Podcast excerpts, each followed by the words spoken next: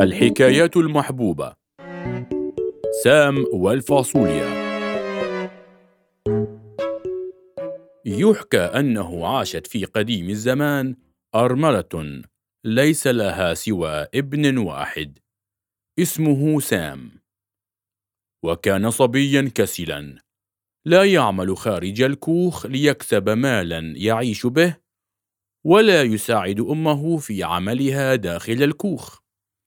ومع ذلك لم يكن الصبي ولدا شريرا.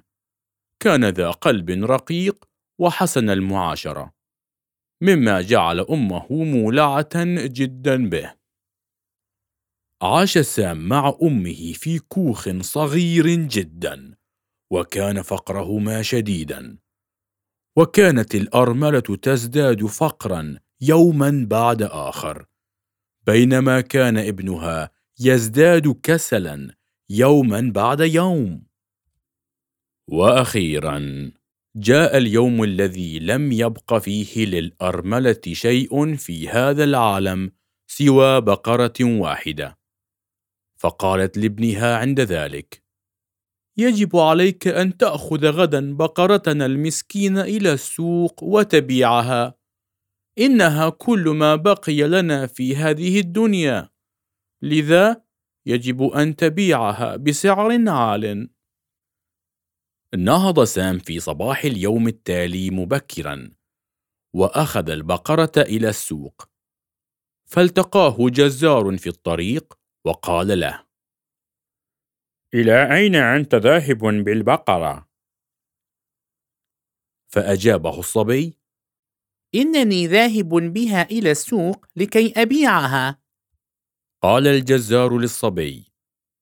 أه سأجري اتفاقا معك على أن تعطيني بقرتك وأعطيك حبات الفاصولية هذه. ثم أرى الصبي قبعته وفيها عدد من حبات الفاصولية ذوات المنظر الغريب والألوان المختلفة. فقال له سام لو قبلت باستبدال حباتك ببقرتي لكنت من المجانين. فقال الجزار ولكن هذه ليست حبات فاصولية عادية إنها حبات سحرية. فاعتقد الصبي أن الحصول على حبات سحرية من الفاصوليا شيء عظيم وأجرى المبادلة مع الجزار ووضع الحبات في جيبه وعاد إلى كوخه. فوجئت الأم برجوع ابنها بهذه السرعة وظنت أنه صارت له فرصة مناسبة. باع فيها البقرة بسعر كبير. وعندما رأى الصبي أمه قال لها انظري يا أمي لقد أسعدني الحظ فاستبدلت حبات الفاصولية هذه ببقرتنا. فغضبت أمه غضبا شديدا جدا وقالت له أيها الصبي البليد الشرير لا شك في أننا الآن سنموت جوعا. وقد جعلتها شدة غضبها تلقي بحبات الفاصولية من النافذة ثم أجبرت ابنها على أن يذهب إلى فراشه وينام دون أن يتناول طعام العشاء. فبكى سام بصوت عال وهو يقول لأمه ولكنها حبات سحرية وهذا جعلني أعتقد أنني الرابح بعمل هذا.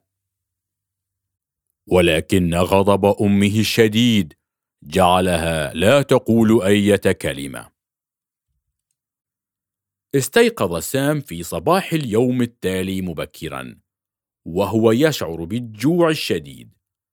كانت غرفته أشد ظلاما من عادتها.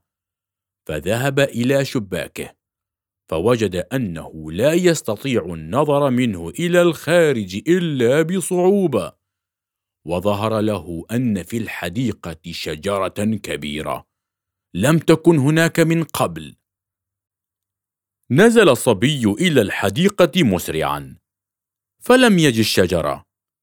بل وجد ساقا عظيمة جدا لنبتة فاصوليا نبتت في الليل من حبات الفاصوليا السحرية التي رمتها أمه من النافذة. كانت هذه النبتة أقوى من أي شجرة وأطول وقد نمت بسرعة كبيرة حتى أن العين لم تستطع رؤية أعلاها. أسرع الصبي إلى تسلق تلك الساق العالية جدا متنقلا من غصن إلى آخر لأنه كان صبيا قويا وعازما على الوصول إلى أعلى النبتة. راح الصبي يتسلق ويتسلق ويتسلق ومع ذلك لم يستطع أن يرى نهاية تلك النبتة العجيبة. أما جوعه فقد كان يزداد لحظة بعد لحظة. وأخيرا وصل الصبي إلى أعلى تلك النبتة بعد ساعات كثيرة من التسلق المتواصل. فقفز منها إلى أرض موحشة غير مسكونة. لم ير فيها شجرة واحدة ولا عشبة واحدة.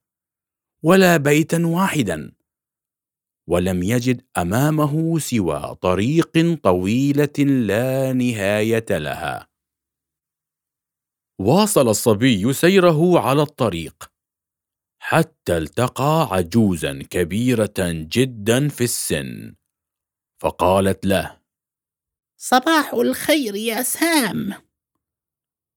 فدهش الصبي كثيرا من معرفتها اسمه وواصلت العجوز كلامها قائلة. أعرف كل شيء عنك. إنك الآن في بلاد تخص غولا شريرا.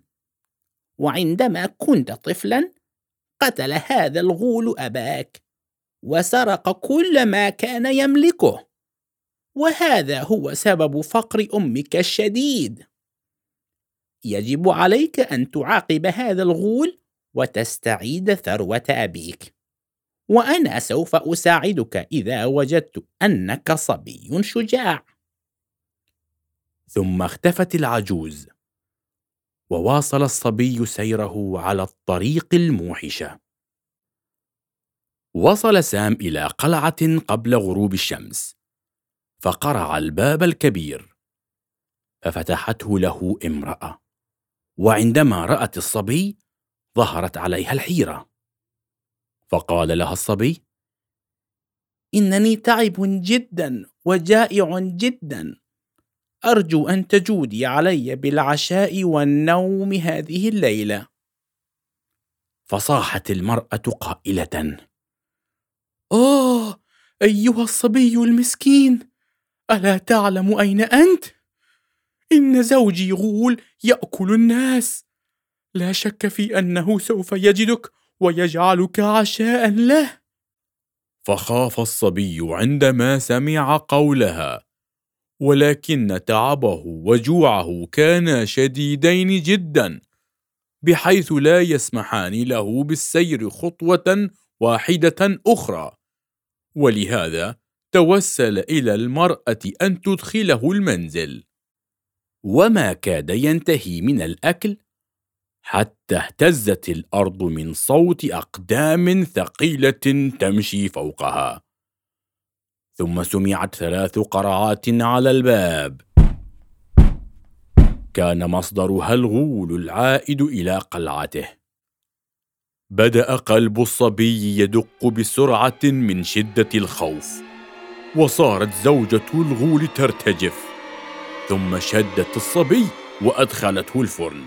الذي كان من حسن حظه باردا ثم ذهبت وأدخلت زوجها قلعته.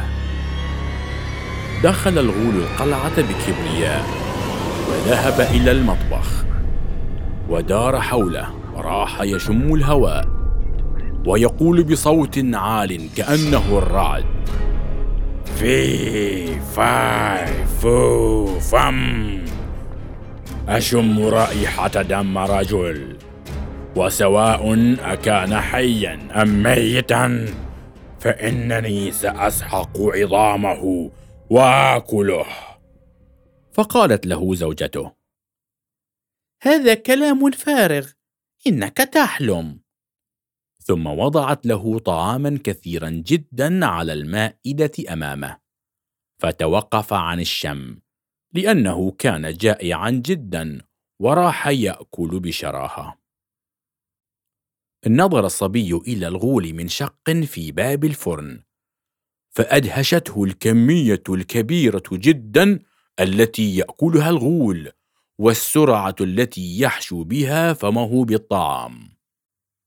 بعد أن انتهى الغول من الأكل صاح بزوجته قائلا أحضري لي دجاجتي.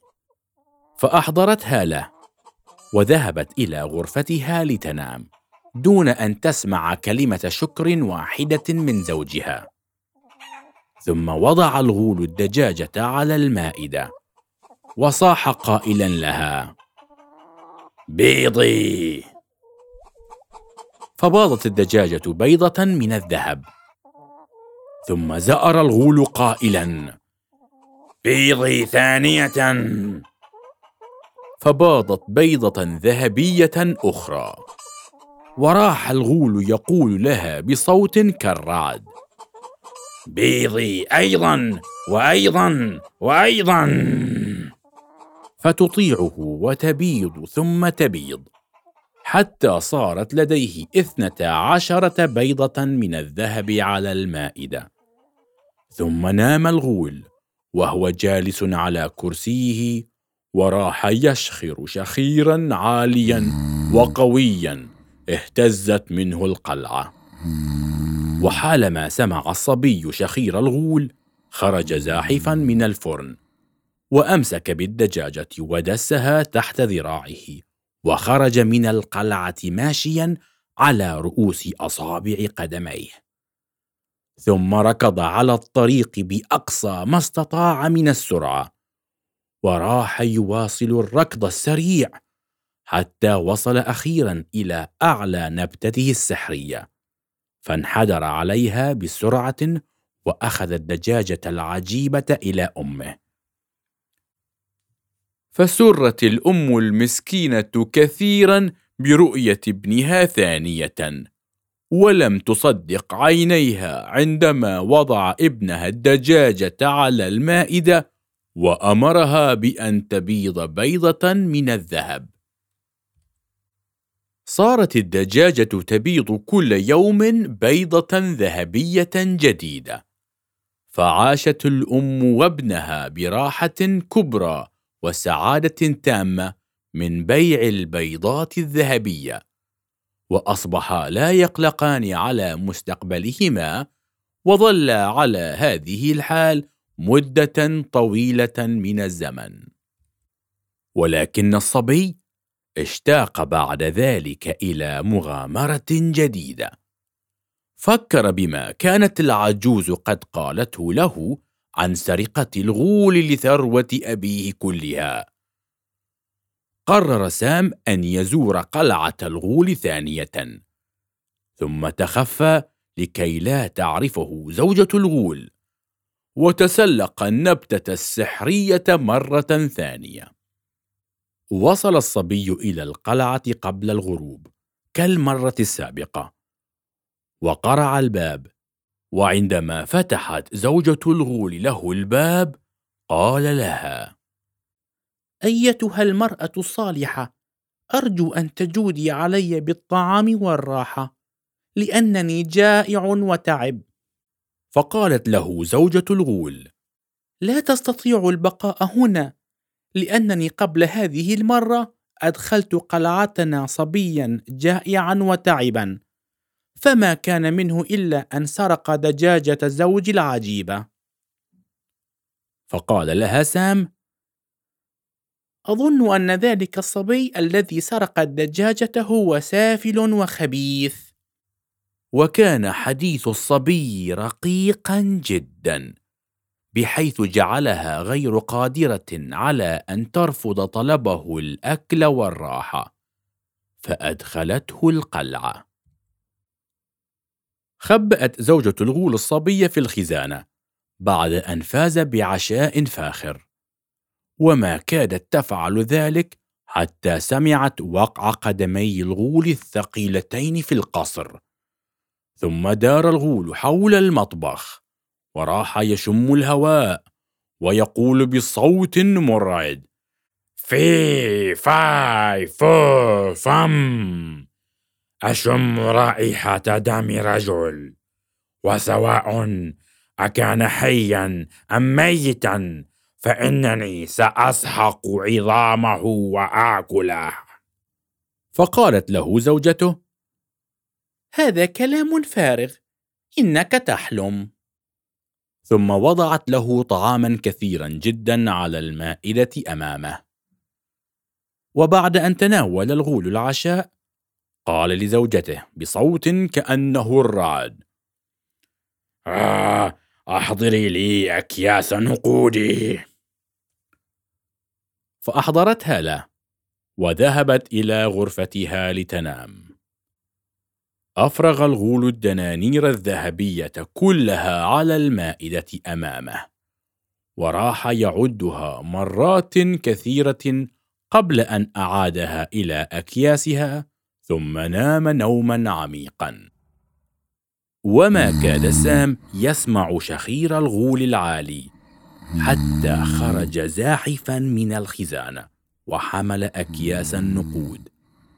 كانت أثقل جدا مما توقع. ولكنه استطاع أن يضعها على كتفه ثم خرج من القلعة بهدوء تام. لم يستطع الصبي أن يركض لأن أكياس النقود كانت ثقيلة جدا.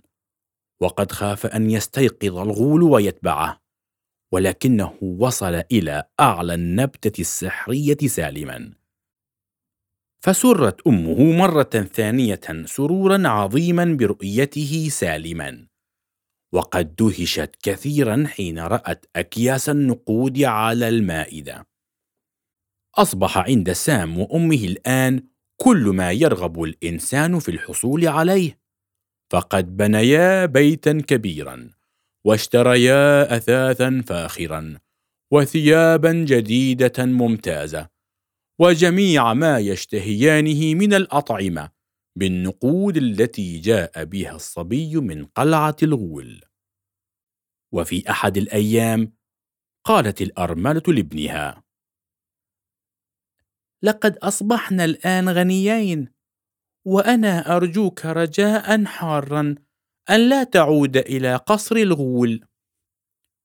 ولكن الصبي لم يعد أمه بتلبية رغبتها. ظل سام وأمه زمنا طويلا في سعادة تامة وراحة بال. ثم بدأ الصبي الشجاع يشتاق إلى مغامرة جديدة. لأنه رأى أن الغول لم يعاقب عقابا كافيا على جريمته. وأخيرا قرر زيارة قلعة الغول مرة ثالثة. تنكر سام هذه المرة بثياب مختلفة جدا عن ثياب المرتين السابقتين وكان أمله كبيرا في أن زوجة الغول لن تعرفه. وفي أنه سيقدر على إقناعها بالسماح له بدخول القلعة. ثم تسلق الصبي النبتة السحرية مرة ثالثة وسار على الطريق عينها حتى وصل إلى باب القلعة. ومن حسن حظه أن زوجة الغول لم تعرفه عندما رجاها بحرارة أن تسمح له بقضاء تلك الليلة في القلعة. فصاحت قائلة لا لا لن أسمح لك بدخول القلعة. إن الصبيين الآخرين اللذين تظاهرا بالتعب وأدخلتهما القلعة كانا للصين فأحدهما سرق دجاجة رائعة وسرق الثاني أكياس النقود.